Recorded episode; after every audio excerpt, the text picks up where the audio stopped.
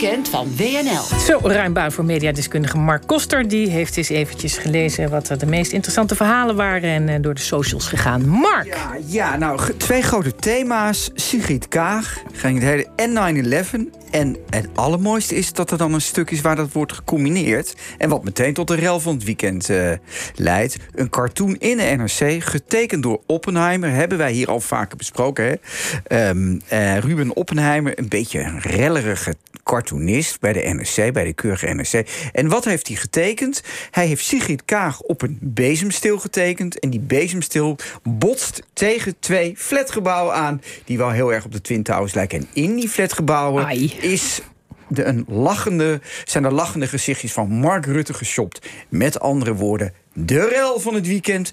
Twitter noemt het alweer smakeloos. Allerlei mensen die vinden het vreselijk. Um, en het mooie is dat er politici komen dan uit hun holen altijd. En die gaan zich daar ook mee bemoeien. Ja, 21.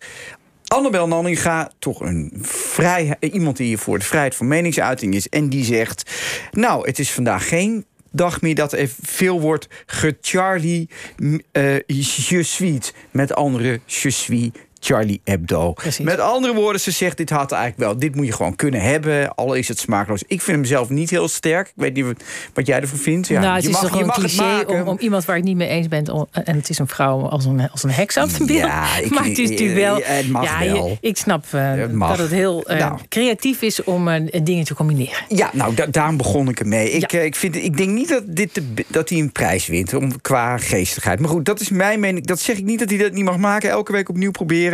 Dat, dat is trouwens ook wel een deel van Twitter die zegt... nou, het is gewoon een mislukt ding. Prima. Uh, dus uh, niet, niet te veel aan tielen. Dan de Telegraaf. Krant wordt steeds beter. Op zaterdag vooral. De politieke redactie valt me elke week weer op. En een ongelofelijke scoop.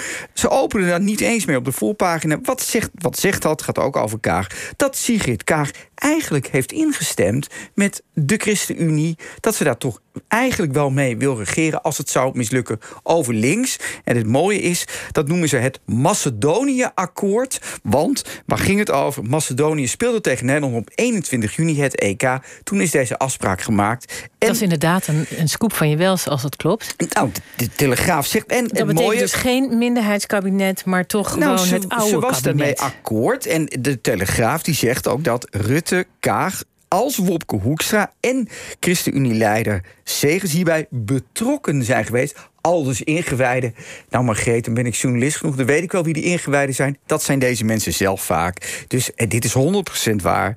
En eh, nou ja, op de zondag na, voor Nederland-Macedonië, citeer ik, belden ze elkaar nog even over en weer van het telefoongesprek. zijn ook aantekeningen gemaakt. Dus die zou ik ook wel willen zien. Die zijn niet afgedrukt in de krant, maar het zou het bewijsmateriaal keihard... Dat is best groot nieuws, dit. Ik vind het best groot nieuws. En, en, daarmee zou die hele lezing... Um, nou ja, die, die, daar zeg ik ook nog wat over.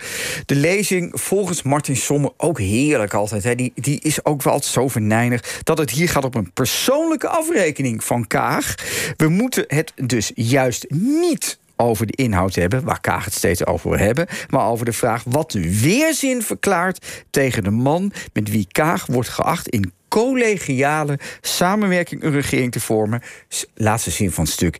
Ik wens Johan Remkes, de grote formateur, veel succes met de inhoud.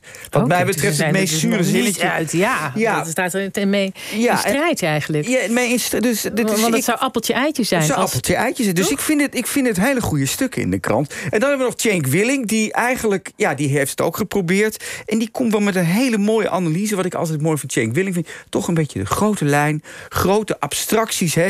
Hij zegt eigenlijk dat het verzet tegen de regenten uit het verzuilingstijdperk slaagde. Maar zij werden vervangen. En daar komt de kritiek door een nieuwe elite van technocraten en managers. De vraag welk fundament we nog hebben is nu des te relevanter, zegt hij. Omdat de verzuiling niet te herstellen is, gelukkig maar. En ook de markt onvoldoende houvast biedt. De politiek, heel hard wat hij zegt, is niet bij machten op eigen kracht te veranderen. Ik weet niet of deze mensen luisteren, en Mark Rutte. jullie hebben misschien toch wat hulp nodig. Ik weet niet van wie, maar er moet hulp komen. Dan gaan we naar 9-11. Twee geweldige documentaires. Ik heb twee kleine fragmentjes. Voor de eerste documentaire is een documentaire over Amerikaanse documentaire over de uren na ja, de 9-11 moment. Bush zat toen in die schoolklas. Dat is een bekend fragment. En nee, toen werd in zijn oor gefluisterd ergens een sportvliegtuig ingeknald. En bij de tweede werd hij wel wat alerter. Uh, daar is een geweldige documentaire over met alle hoofdrolspelers. Daar hebben we een fragment van. Good morning. Hi. How are you? It was absolutely spectacular weather. Not humid. Skies were clearer. Smoke is billowing out of the building. AP Network News. A plane apparently has crashed into the World Trade Center in New York. We went from a calm, beautiful day to one in which our world changed dramatically. September 11, 2001 was the worst terrorist attack in U.S. history. Now experience the first 12 hours surrounding the events in a way the world has never seen. Dat Geweldige docu. Ja. Ook hetzelfde kun je zeggen over Rudy Dekkers, de vliegtuigman in Florida waar Mohammed Atta begon. Nederlander. Hè? Nederlander heeft ook een geweldige documentaire. Ik zal, ik zal even wat tempo maken. Uh, dat ook geweldig om naar te kijken. En het meest bizarre is, deze man blijkt dus in de drukste terecht te zijn gekomen, omdat hij failliet is gegaan. Ook kijkerswaardig. Dan ook nog een geweldig stuk van Mick van Wely van de Telegraaf. Die zegt, heeft een, een, een politieofficier geïnterviewd, die zegt dat eigenlijk de criminelen die nu vastzitten, vooral de Mokka-maffia, eigenlijk te veel rechten nog steeds hebben en met elkaar kunnen communiceren. En volgens mij hebben we Mick van Wely aan de lijn. Beste Mick, goedemiddag. Goedemiddag. Avond ja. is het inmiddels, maar geef niet. Die, ja. die fout maakte ik ook al eerder. Kijk, Mick, ja, je hebt een onthullend stuk geschreven. Hè? We vinden het leuk om eh, in deze rubriek af en toe de mensen zelf aan het woord te laten. Um, en, uh, Hanneke Ekelmans, ik ken haar niet. Wat is haar stelling? Hanneke Ekelmans is lid van de korpsleiding. Ze is eigenlijk de tweede belangrijkste man naar de hoogste baas van de politie.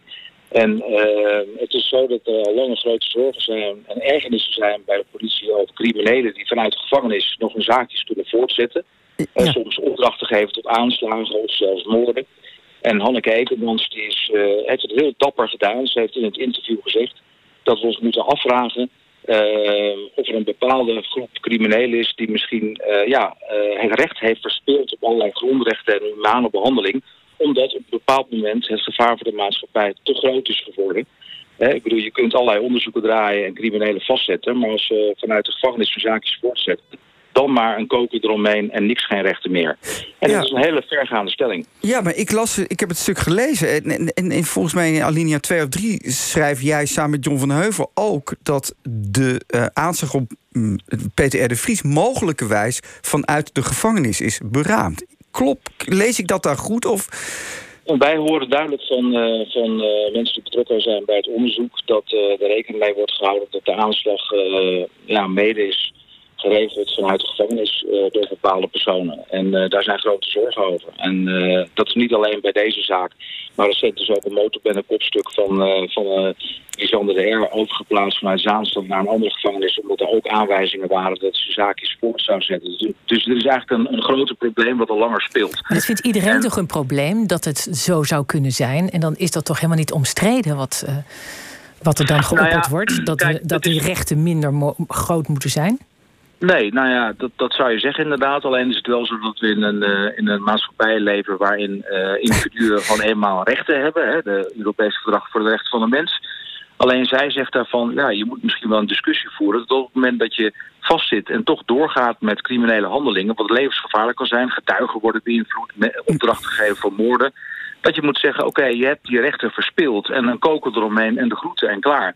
En ze zegt zelfs, dat, uh, dat is een groot goed, advocaten mogen met hun verdachten of met hun cliënten praten in vertrouwen. En daarvan zegt ze ook nog dat je in bepaalde gevallen misschien wel moet kijken of dat recht er ook niet meer moet zijn, omdat het gevaar te groot is. Heb je al reacties gehad? Want dit is natuurlijk wel een uh, in, in Nederland, hè, waar we altijd pro-verdachten zijn. Is, is, heb je al iets gehoord erop?